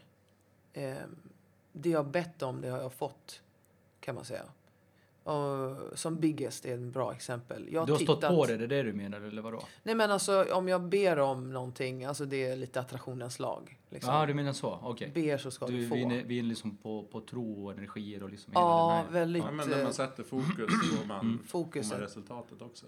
Ja, exakt. Och jobba, man jobbar ju jäkla hårt också för det. Det är inte så att man bara så här knäpper fingret och bara nu, nu kommer det till mig. Men jag jobbar ju hårt. Men som Biggest är ett bra exempel. För jag har suttit och tittat på den amerikanska framförallt. Mm. Och tänkt att jag kan det där. Jag kan vara där. Jag tror att jag skulle kunna bidra med mycket. Jag kan inspirera. Jag kan motivera. Mm. Jag måste vara där. Sen har jag aldrig vetat hur. Du behöver inte veta hur. Du behöver inte ha liksom hela modellen av hur ska jag komma dit. Ja, jag, jag, jag vill bli vad det nu än blir. Jag, jag, jag vill bli världsbäst i skidåkning eller vad det nu än är. Men jag vet inte hur jag ska ta mig dit. Men jag vet att jag ska Ja. bli det. Jag, jag ser mig själv stå på pallen och ha medaljen runt halsen och vinna OS eller vad det nu än är. Och det var så med Biggest också. Jag visste ingen, jag hade ingen aning om hur. Men jag visste att jag skulle vara där. Och det är lite så jag tror, det är tipset som du säger. Se dig själv där redan. Se dig stå där. Känn lukten. Känn, känn hur, hur luktar det där du står? Liksom? Hur smakar det någonting? Alltså vad det nu än är. Alltså verkligen in i detalj. Så här, ja, det luktar läder känner jag. Alltså så, här, så ge dig in i den tanken av Så du är redan att du är redan, där jag är redan där. Ja, börja med, med Börja med att se dig, redan, se dig där. Bara. Ja men för det där är super, superintressant. Jan Umberto brukar ju prata om Mm. eh, egentligen skillnaden som gör skillnaden. Att egentligen de som är framgångsrika och de som Mm. är, oftast är det att man faktiskt gör. Det är många som tänker, tänker så, men man rullar aldrig igång den där stenen och gör, börjar ta steg Mm. eh, emot eh, mot det man vill Mm. egentligen. Så att ehm, Ja, intressant att ju, ju hårdare man, man jobbar desto mer tur har man. Ja, för Ja, definitivt. Och sen också att man lägger, att man påminner den, eh, ska man säga, det är som jag sa när man så ett frö, att man hela tiden vattnar den varje dag. Så är det någonting man är ah, som man vill göra eller komma åt eller något mål man har. Att man varje dag innan man går och lägger sig till exempel, det är min grej. Mm. Då tänker jag lite, jag lägger extra tanke på den. Så ja, ja men där, så är det. Det är där jag kommer vara. Och man ser sig själv där. Sen vägen dit, det vill jag inte ens tänka på. För det är oftast, jag tror att det är där man bromsar sig. Bara, Åh, men vänta, usch, och sen måste jag ringa, sen måste jag... Nej, så mycket pappersjobb och du vet, och vem ska jag... För, nej, där! Och där är det kört redan. Istället för bara, nej men jag är där, sen, sen hur? Nej men det, det kommer komma. Titta inte på det ens. Gå inte, snöa inte in i det där ens en gång. Förstår du? Utan bara se dig själv där. Stå på pallen. Jag, jag kan inte sluta, jag, jag sitter här och, och lyssnar på dig och jag kan inte sluta och tänka på att det här måste, alltså bara för att gå tillbaka, jag måste bara få, få ställa frågan. Vad, det här måste ju liksom kommit från när du var liten, dina föräldrar, hur du är uppvuxen och din miljö runt omkring. Ja. För det är både arv och miljö för din del. Mm. Att, för att om någon skulle... Alltså, jag vet någonstans, första gången jag träffar dig så är det så här, okej, den här tjejen, snackar jag med henne så kommer hon att säga precis vad hon tycker och tänker. Va? Så jävla skönt. Och, och hon kommer inte vika med blicken. Alltså det, Ja. Och du känns ju enormt sådär, ja men rakt upp och ner, så som du ser mig, det är, så, det, är det du får. Mm. Men kommer det, kommer det hemifrån? Mamma. Det är mamma? Mm. Det är mamma som är liksom... Alltså hon, det är hon som har så här, shit, hon har ju väglett mig alltså in i allt. Hon har uppmuntrat mig, hon har sagt att du aldrig ska sluta tro på dina drömmar, du, du kan det. Eh, det finns ingen som ska... För man, man vart mobbad i skolan vet du, och hon var alltid en bra stöd. Liksom. Mm. Det här med att vara utslängd och så vidare. Det hade Okej. mycket med grejer som har hänt liksom, som barndom. Men hon har alltid varit som bra stöd. Och Mm. hon har alltid kommit med böcker och bara, det är hon som har peppat med alla de här attraktionens lag. Och kommer alltid med någon ny bok. Läs den här liksom. Det stärker dig. Det, det, tro på dig och liksom Som mamma, ja, stor del till Mm. det här hur man ska tänka att vara där redan då. Liksom och så där. Så det är hon som har varit din ambassadör i liksom den Ja. positiva förstärkelsen av att du, klar, du fixar det här. 180 procent. Och du har vetat att hon har funnits där oavsett liksom. Alltid alltså.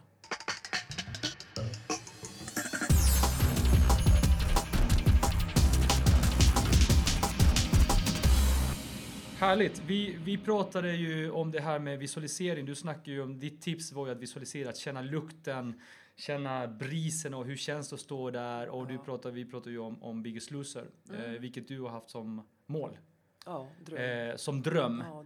Och nu är du där. ja. Och vår utgångspunkt är, vad är grejen? Vad är grejen med Biggest Loser?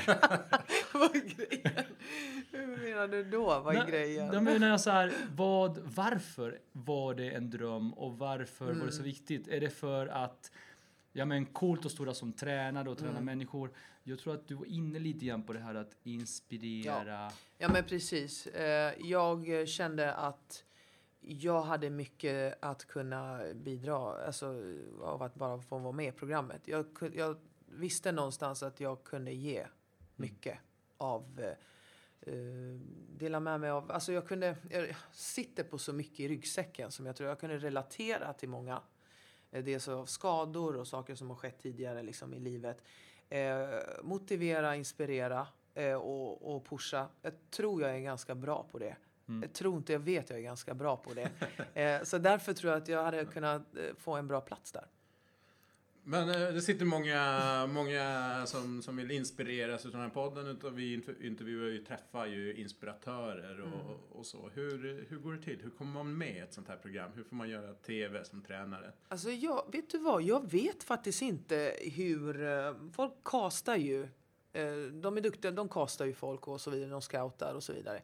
Jag har aldrig fattat riktigt eller hur, egentligen hur man gör eller men jag skulle kunna ta och, och ringa en signal till TV4 och bara tja läget hur så för att man har ändå jobbat med både SVT och eh, TV4 i många år. Så jag hade kunnat göra det men jag gjorde inte det utan någonstans bara kände jag så här It's my call, så det kommer komma liksom på någon vis. Inte att jag sitter och rullar tummarna och väntar på att de ska ringa mig, men att jag kände att på något sätt kommer det komma till mig. Sen visste jag inte riktigt hur. Eh, jag blev uppringd av en tjej som hade dansat för mig tidigare som jobbar på eh, Meter på TV4 Produktionsbolaget. på produktionsbolaget Meter.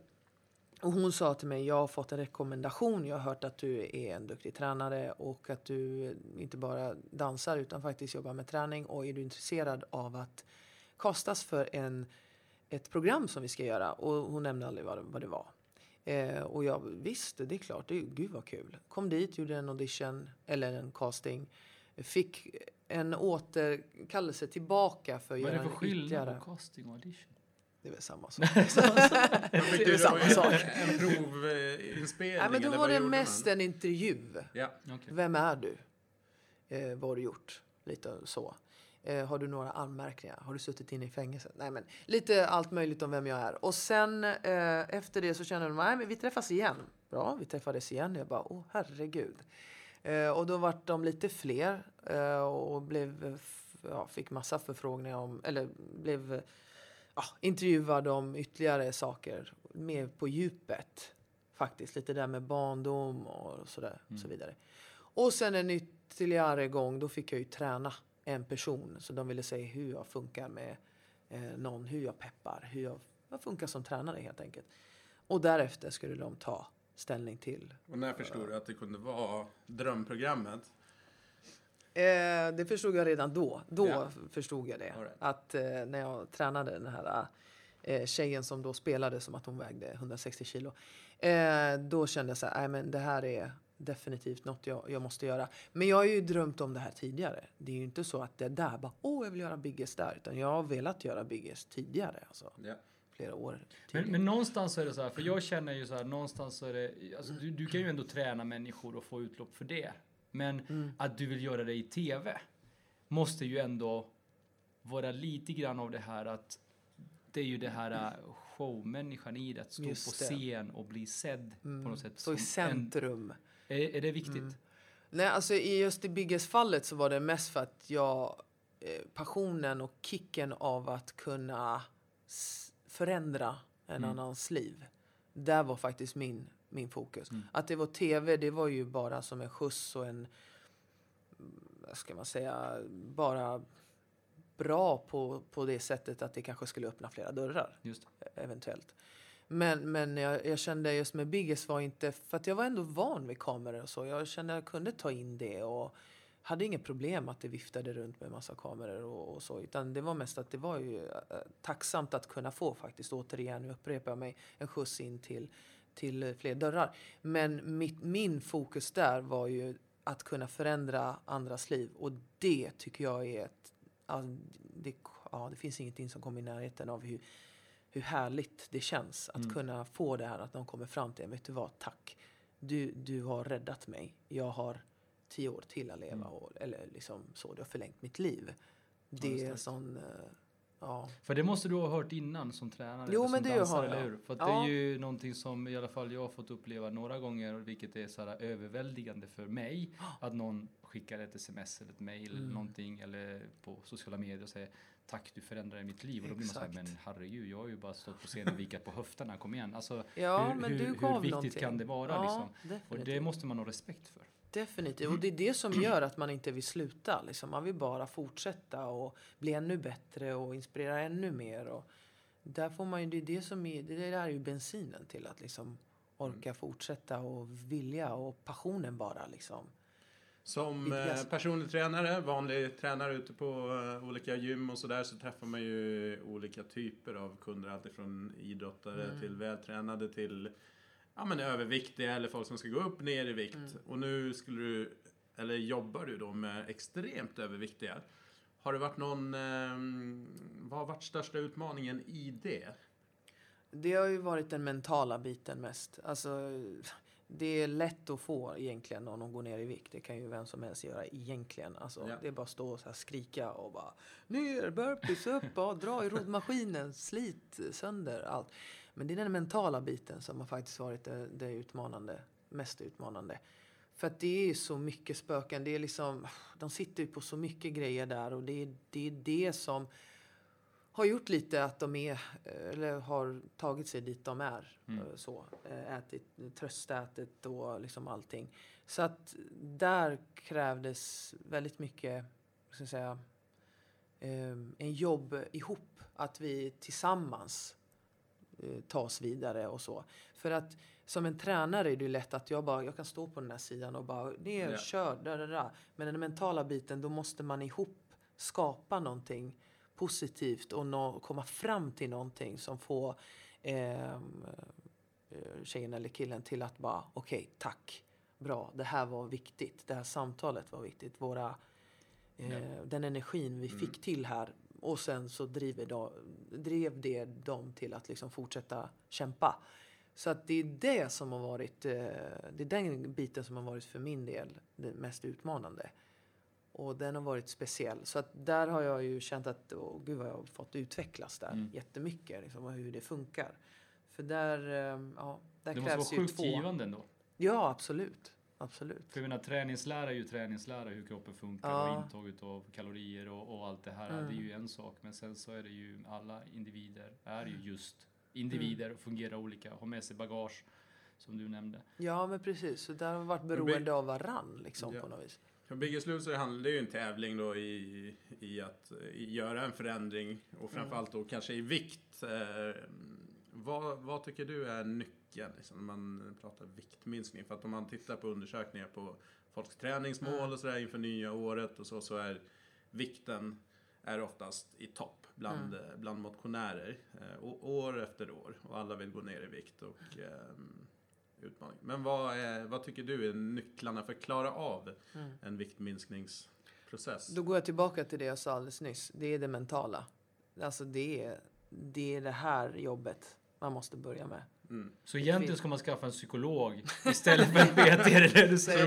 Ja, Fast det ligger lite i det faktiskt. Alltså, Ja, en psykolog. Det ska man skaffa. nej, nej, men folk bara, mm, ska jag börja så här, gå in i den här det är en träningstrend. Ja, men vilken, vilken träningsform ska jag göra Sabina? Vilken ska jag, vad, ska jag, vad ska jag äta Sabina? Man bara, hallå, kan vi lämna det så? låt oss börja med den mentala biten. Vad vill du? Hur ser dina vanor ut? Vad, vad, är det, hur, hur, vad tänker du? Vad är dina mål i livet? Vi måste börja där. Och sen, okej, okay, käk. Sen någonstans. träning. Ja, men varför och bara, vad är det som fick dig ens att komma dit där du är idag? Ja, det var det här och det här. Ja, men jag hade en här träningsperiod som var otrolig. Jaha, vem var det som hjälpte dig då? Ja, men det var Pelle Gustafsson som var grym. Han peppade mig. Men sen så dalade jag ner. Vad var det som fick dig att dala ner? Ja, det var ju den här tragedin som... Så att vi måste börja från den mentala Ja. och rensa där först. Jaha, det var den som fick dig och det var det som fick dig på banan, det var det som fick dig av banan. Och sen därifrån gå så här, okej, hur äter vi? Vad är det för vanor du har? Okej, och sen gå och titta lite, hur ser kroppen ut? Har du har några skavanker och så vidare. Och, och så där kan vi börja träna. Så att man måste börja från det mentala. Det är nyckeln. Vi måste gå in i skallen, det som sker liksom mellan öronen först. ja, men det är det. Ja, Så är ja, det. men eh, kosten är ju är såklart en, En stor en, en del, del som man får titta i. Eh, Vad tycker du är de största tankevurporna som folk gör kring, kring kost och viktminskning? Ja, men det är hela den här periodarbiten. Och jag ska in i någon, eh, ska in i den här klänningen till den här festen. Och jag ska, nu ska jag satsa för Beach 2017. Och, alltså det är så här periodare. Och sen då? Sen går man in i någon eh, där man bara käkar och bara skiter i. Och liksom, eh, periodarbiten, den kan man släppa. Jag tycker, så här, jag tycker att det som varar bäst längst, det är eh, en balans helt enkelt. Och då undrar, nu, undrar ju ni, vad, vad är balans? Ja. ja. men att, kunna, att inte vara så jävla hård, att kunna unna sig saker och ting. Fan utan köper ha... man det? Balans? Var köper man det då? Så Det finns i hylla eh, 17 inne exakt. på Hemköp. Nej men, eh, eh, nej men att kunna liksom hitta någonting som passar en och, och testa sig fram lite. Ja. Som vi pratade om tidigare. Att, att det finns ingen facit, det finns ingen recept på att så här, det här ska mäta och då blir du superhjälte. Nej, utan du får testa det fram lite själv. Vad det är som funkar Jag för tycker mig. det är intressant. Jag tycker många gånger, och det kanske är media som driver på det, men man ska ta fram en mirakelgrej. Ät broccoli, Hela tiden. ingefära. Så, alltså, fokuset på en Mm. sak som ska lösa hela grejen. Nej, nej, nej, nej, nej, nej, men det finns inte. Givetvis eh, så finns det ju mycket bra saker som faktiskt är bevisat och som än idag sen way back. Ja. Som gurkmeja och liksom cayennepeppar och avokado. Vi vet ju om vissa saker och ägg liksom så. Som faktiskt är bra för oss. Eh, sen som du säger, det går ju upp och ner. Ja, kolesterol i äggen. Och så bara nej, men det är inte alls kolesterol i äggen. Ja, chipset är farligt och det är cancerframkallande. Ja, nej, det är inte alls farligt. Det är transfetter och fetter. Alltså du vet, man blir är så rörigt i huvudet med allting. Det, det, det vi vet definitivt är att sockret, raffinerat socker är inte bra för oss. Punkt liksom. Sen Ja. finns det frukt och alla de här juicerna. Hellre äta en hel frukt för då får man i sig fibrerna än att kanske kö- köra en pressad juice som bara är fruktsocker. Men, sen, men sen är det ju så här att det har ju väldigt, väldigt mycket med mängderna man stoppar i sig. Ja. För det, alltså det är ju bara jäkla skillnad. Vi pratade lite grann om hur det var förr i tiden om man nu ska. Mm. Men nu är det så här att du har ju tillgång till just om vi pratar socker exempelvis Ja. eller annat så finns det tillgång till det 24 timmar om dygnet. Definitivt. Så var det ju inte förr. Tillgången har ökat, ökat så sjukt, sjukt Mm. mycket. Så att det är klart att det påverkar oss och det har ju väldigt mycket att Mm. vi stoppar i oss alldeles för mycket av de här sakerna. Definitivt. Återigen, skulle man gå tillbaka till det som du sa, med balans och vad det Mm. nu innebär. Skulle man ha det balanserat så tror jag inte det hade påverkat oss lika mycket. Men jag Nej. tror att det, det som vi gör, jag vet ju själv när jag är stressad, jag bara trycker i mig allt. Ja. Liksom, jag går ju till, till kylskåpet och öppnar var 50 minut för jag måste liksom Ja. åh, trycka i mig någonting Fylla sött på eller liksom. någonting annat. Ja. Så att eh, det finns ju ständig tillgång. Ja, jag tror mycket är ju medvetenheten och kunskap kring, eh, kring vad, vad saker innehåller. Det, det är inte superenkelt att läsa en innehållsdeklaration om man inte vet vad de här eh, orden betyder. För det står ju inte socker oftast rakt upp och ner. Utan det är, och så ska man Glukos, förstå ja. vad som innehåller socker utav de här eh, grejerna. Så, och eh, tyvärr så visar det sig ganska mycket runt om i världen och även i Sverige att det har med utbildningsnivå att de som är, har sämre ställt hälsomässigt oftast har lägre utbildningsnivå.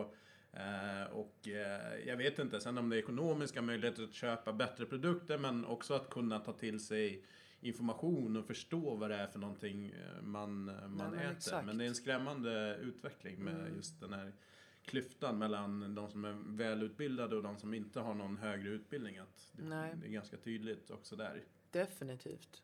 Lite Absolut. statistik där. Ja, men alright, så att eh, det är helheten som du tycker är, är det viktiga, inte liksom detaljerna i Nej, alltså att vara saker. medveten, så Ja. skulle jag vilja säga. Var medveten hela tiden och ha koll på, liksom, det som vi säger, sockret finns i allt. Så att eh, man kan ju tycka att man äter en otroligt bra frukost med gröt, sylt, honung i teet, Mm. juice. Och så får vi tänka efter lite. Då tycker man så "Men jag färskpressad juice. Jag har ätit ganska bra. Hur mycket socker ha- hade vi där i frukosten? Vi hade sylt på gröten. Sjukt mycket socker. Jag la till lite hallon och lite blåbär, vilket är nyttigt, men det är fortfarande socker. Sen hade jag honung i teet. Sen hade jag juicen.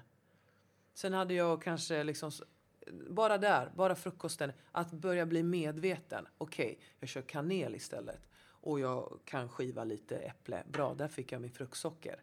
I teet, kan hoppa honungen kanske. Köra bara te. Juice, nej men jag tar istället, eh, vad vet jag, vatten. Alltså så. Då har jag lite mindre socker. För ofta så äter man den frukosten med sjukt mycket socker utan att ens ha med den medvetenheten med sig. Och så kör man en fika med en wienerbröd. Och man, men vadå? Jag åt en jättebra lunch med, med liksom så så. Sen åt jag frukost som hade, innehöll det och det. Och sen trycker man en wienerbröd med, och med liksom så gott samvete. Men man har inte alls varit medveten om hur mycket jäkla socker man har fått i sig då. Om vi ändå pratar socker här under dagen. För det tycker man ju inte när man trycker i sig juicer. Men vadå? Jag tog en, på lunchen tog jag en sån här uh, sumo någonting med en uh, eh, jättenyttig macka. Men vad är det i brödet? Jag vet inte hur mycket socker det är ens i ett bröd. Liksom, om man tänker så. Om vi ska verkligen nöda in Ja. oss i socker på det sättet. Men Men det, det, återigen, det är ju måste- mängderna och, och precis som du säger. Ja, Att, det ena och det andra. Och det blir ganska mycket liksom, om vi ska ta det i sked så här. Och räkna. men Men vi unnar oss, medvetenhet. det är ju livet. Det är ju, alltså, det är ju det som är grejen. Vi lär oss det från att vi är små. Har du varit duktig då får du en glass eller godis. Ja, just det. Eh, om du håller dig hela veckan så får Mm. du godis på lördag. Vi belönar oss själva ständigt och det blir ju en, en positiv betingning kring den grejen. Och det tror jag, alltså personligen, nu handlar inte det här om mig, men jag tror personligen på att det är det mest negativa vi kan göra. Mm. Att just ladda det med det. Ja. Att vi ska unna oss. Hela tiden. Ja, ja, ja. ja. En uh, välförtjänt... Ja, men precis. Uh, belöning. Ja. Hela ja, tiden. men man ska ju bara leva, det är ju livet. Ja, Kom unna igen dig, nu. unna dig. Skitbra. Ja, ja. Sen är alla de här sötningsmedlen och aspartam och allt det här. Det triggar ju, man tror ju så här, nej men det är ju jättebra för det är ju inte socker i. Men det, det triggar ju hela, eh, alltså sockerkicken i, eller ska man säga, eh, det här sockersuget. Ja. Så att man vill ju ha ännu mer. Yes. Så, så det måste man också börja bli lite medveten om. Medvetenhet. Ja. Kalorier är ju Gott. också ett, eh, såklart ett relevant ämne kring vikt. Men kan man förenkla det så mycket som plus minus eh, en balans? Spelar det någon roll vilken typ av kalorier? Om jag, om jag äter lite mindre kalorier än vad jag, vad jag förbränner, spelar det någon roll vad jag, eh, vad jag stoppar i mig? Eller har det också betydelse? Eller kan jag äta, säg att jag gör av med 2000 kalorier per dag, men jag äter 1800 kalorier, det består bara av socker en, en, en hel dag. Spelar det någon roll vad jag stoppar i mig? En jävla bra fråga det där. Alltså, jag skulle vilja säga hellre, även om en avokado har mer kalorier än vad en liten cookie har. Eller om de har faktiskt lika mycket, en cookie, som en halv avokado. Så Ja. tar jag ju hellre avokadon. Så jag skulle vilja hellre säga att eh, nej, utan jag stoppar i mig, om det skulle vara en kalorimängd som är högre i det här nyttigare varianten av grönkål och alltihopa. Fast den har lika mycket mängd som sockret då Ja. i, i detta fallet så skulle jag hellre vilja välja det andra Yes. alla gånger i veckan. Hur, eh, hur ser en träningsvecka ut för dig själv då? När du, Din egen träning? Alltså jag tränar ju varje dag eh, en eh, timma till en och en halv varje dag. Ja. Eh, och den kan se ut eh, olika. Ibland löper jag eh, för att jag är inte världens bästa löpare men jag kan tycka att det kan vara dels att det rensar tankarna eh, och att jag känner att hjärtat får pumpa och den bara ler mot mig så att jag är ganska snäll mot den. Men det gör den ju hela tiden ändå för att jag tränar otroligt högintensivt annars för jag tycker Ja. om det explosiva och liksom. Och det går emot lite, eller det, det är ju, det, löpningen är ju min det här göra något som jag inte tycker blir lika roligt. För det är ju så här långdistans och man bara traskar, dit, traskar runt, eller traskar runt ska jag säga, men det är liksom, ja en mil är ju gott och väl bra för mig sådär. Mm, Jag är en explosiv och gillar snabbt Ja. och rappt och högt och, och så. Eh, dynamisk träning liksom. Så att eh, det kan se ut som en crossfit-upplägg eller eh, thaiboxning faktiskt. Mm. Eh, så kampsportsinriktade eh, träningsformer gillar jag. Dansar du ingenting längre?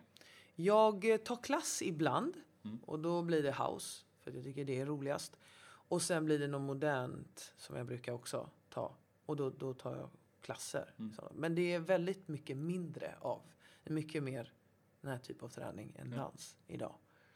Sliter något otroligt på kroppen. Men inte om man skulle liksom göra det någon gång då och då. Liksom Mm. så. Så jag dansar lite. Jag, Det är som strössel på glassen. det är som strössel på Lite, glassen. lite ja. dans då och då. Ja men exakt. Åh vad bra förklarat. Ja. Men jag tänker ur tränarperspektiv att eh, din, din breda bakgrund och därmed förståelse för kraven inom olika eh, sporter och Mm. eh, träningsformer. Att det måste hjälpa dig otroligt mycket idag när du ska träna andra. Definitivt. Det här med basketen och dansen och kroppsmedvetenheten och kontrollen. Ja, absolut. Allt det där har ju definitivt gett mig eh, mycket liksom, kunskap och kött på benen så. För att kunna inspirera vidare, definitivt. Mm. Ja. Eller var det någonting annat du ville? Nej. Alright Sabina, ehm, hur eh, ser du några tre- trender inom träning och livsstil sådär som du, eh, som du kan dela med dig utav? Ja, alltså det jag märker eh, är ju det här högintensiva. Jag märker hur det är otroligt populärt med att eh, mixa löpning med eh, funktionell träning. Ja. Alltså springa, springa, springa, springa eh, högintensivt och sen papp, hoppa av, köra kettlebell, Mm. köra medicinbollar, eh, slamballs och så vidare upp på bandet igen. Och det jag pratar om just nu är någonting som heter Barry's eh, Bootcamp. Alright, spännande. Eh, mm. Det, Barry's Bootcamp är ju eh, något som är enormt stort i USA och eh, har exploderat eh, som en, ett fyrverkeri i London också. De kommer starta detta i Stockholm. Ja. Eh, det är på gång. Och eh, jag blir tillfrågad att vara en av eh, tränarna för Barry's Du blir en berry alltså. Det är inte säkert. Det är inte säkert. Det är inte Det är säkert. inte säkert. Men jag blir tillfrågad. Och detta är någonting då som har exploderat. Och det, när vi pratar om trenderna. Att jag tror att det är det, det som är väldigt eh, attraktivt just nu. Och det är lite så vi, sånt vi håller på med på Fightbox också. Att vi mixar mycket löpning med eh, kettlebell swings med det här crossfit-baserade. Men Ja. att man lägger in löpningen hela tiden. Och det Barrys då som det de gör är ju mycket, de är på band, det är alltså löpband. Och sen kliver man av Mm. och sen kör man liksom funktionell träning eller med vikter, eh, med vikter utan vikter, på igen. Så det är Ja. otroligt högt. Och Det för er som inte Mm. har eh, kikat på Barry's Bootcamp så kan ni göra det på online. Men tänk er en gruppträningssal med löpband ute längs med kanterna och i mitten har du styrkestationer med en bänk typ och sen hantlar och olika redskap så att du jobbar av och på löpbanden. Så att, eh, Ja, precis. Och det är lite klubbkänsla också. Det är lite så här, det är disco lights, disco. folk klär av sig och bara oho, tjimmar. Det är väldigt så här, klubbigt liksom. Nakna. Mörkt, dovt. Mm? Nakna. Nej! alltså, inte helt, men, eh, men det, det, det, är liksom, det ska vara lite klubbfeeling på det, men också så här helt. ja, En- och en- eh, va- varför Mm. tror du de här eh, högintensiva klasserna och koncepten funkar så bra? För att det känns lite som vi är i en tid där folk vill ha en funktionell kropp. Så känns det bara överlag. Det får jag höra och se mycket av. Att man pallar inte gå runt som ett kylskåp. Med all respekt för alla som kör bodybuilding och allting. Det är en sport i sig.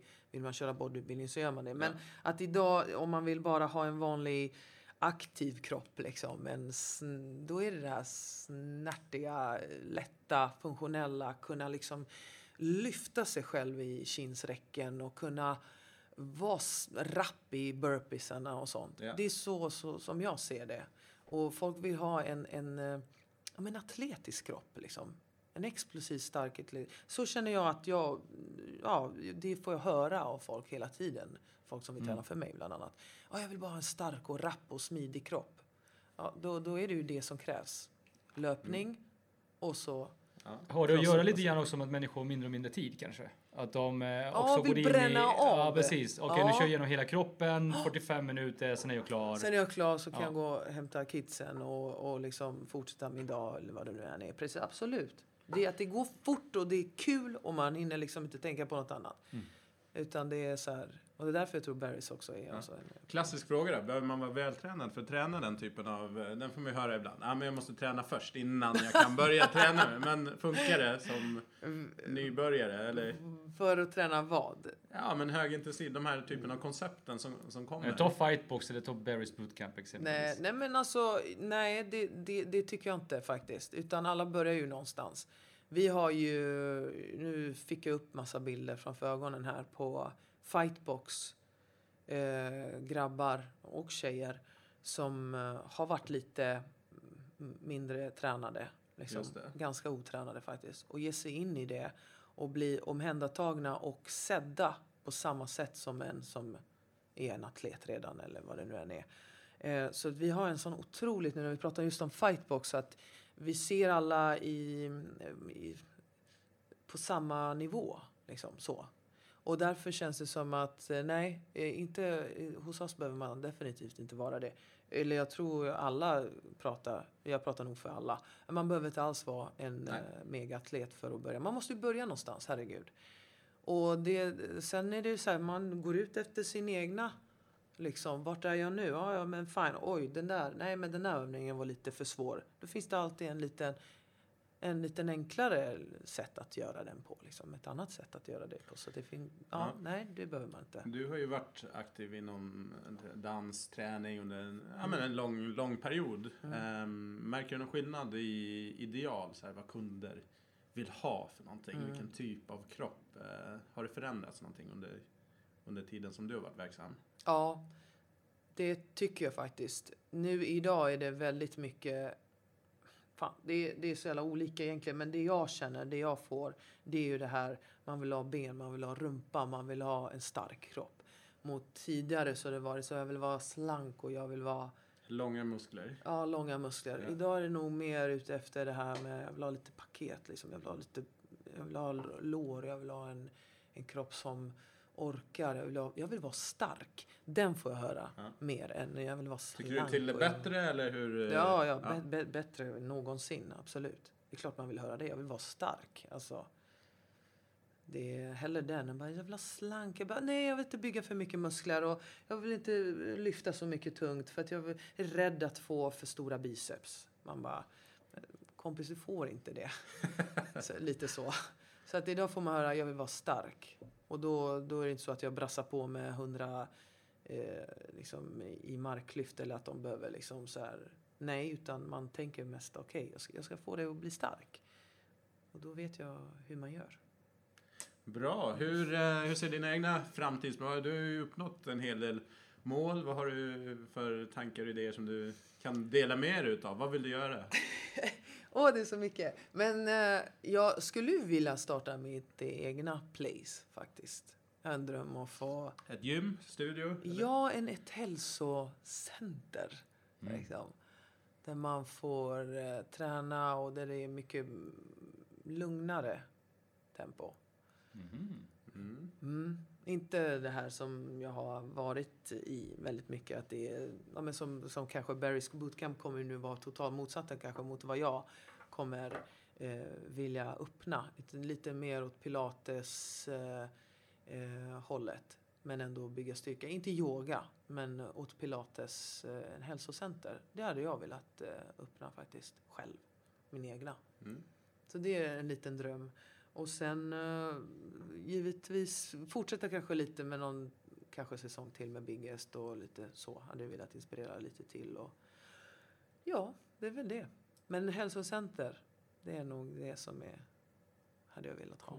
Är det, tror du att det kommer bli en trend? Att det kommer att komma tillbaka mer utav det här lite mera långsamma rörelser grejen eller är det bara en, en egen känsla som du har att det skulle passa dig i ditt liv just nu? Jag tänker inte på vad eh, trendmässigt Nej. var att det kommer komma tillbaka. Så jag tänker mest på vad jag Vill känner, vill göra, vad som passar mig och, eh, och vad jag skulle vilja göra. Så jag tänker mest på vad jag, hur jag tänker. Och, för det, det är oftast därifrån man måste utgå. Att att det är då man lyckas göra ett bra jobb också. Och det är då Ja. det blir kvalitet på det. Än att tänka på vad är det som är inne nu. Så, så. Bra, stort tack för att du ville vara med i vår podd. Tack snälla för Thanks. att jag fick vara med.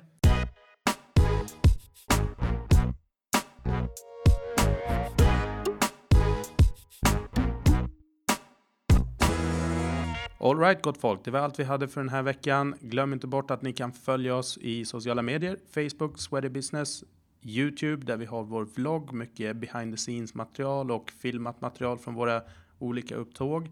Sweaty Business och vårt Instagramkonto Sweaty Business Podd med ett D. Vill du komma i kontakt med oss via mail så går det bra på sweatybusinesspodd at gmail.com. Maila gärna synpunkter, önskemål om gäster och frågor som ni vill att vi tar upp i programmet. Alright, vi hörs nästa vecka. Häng med!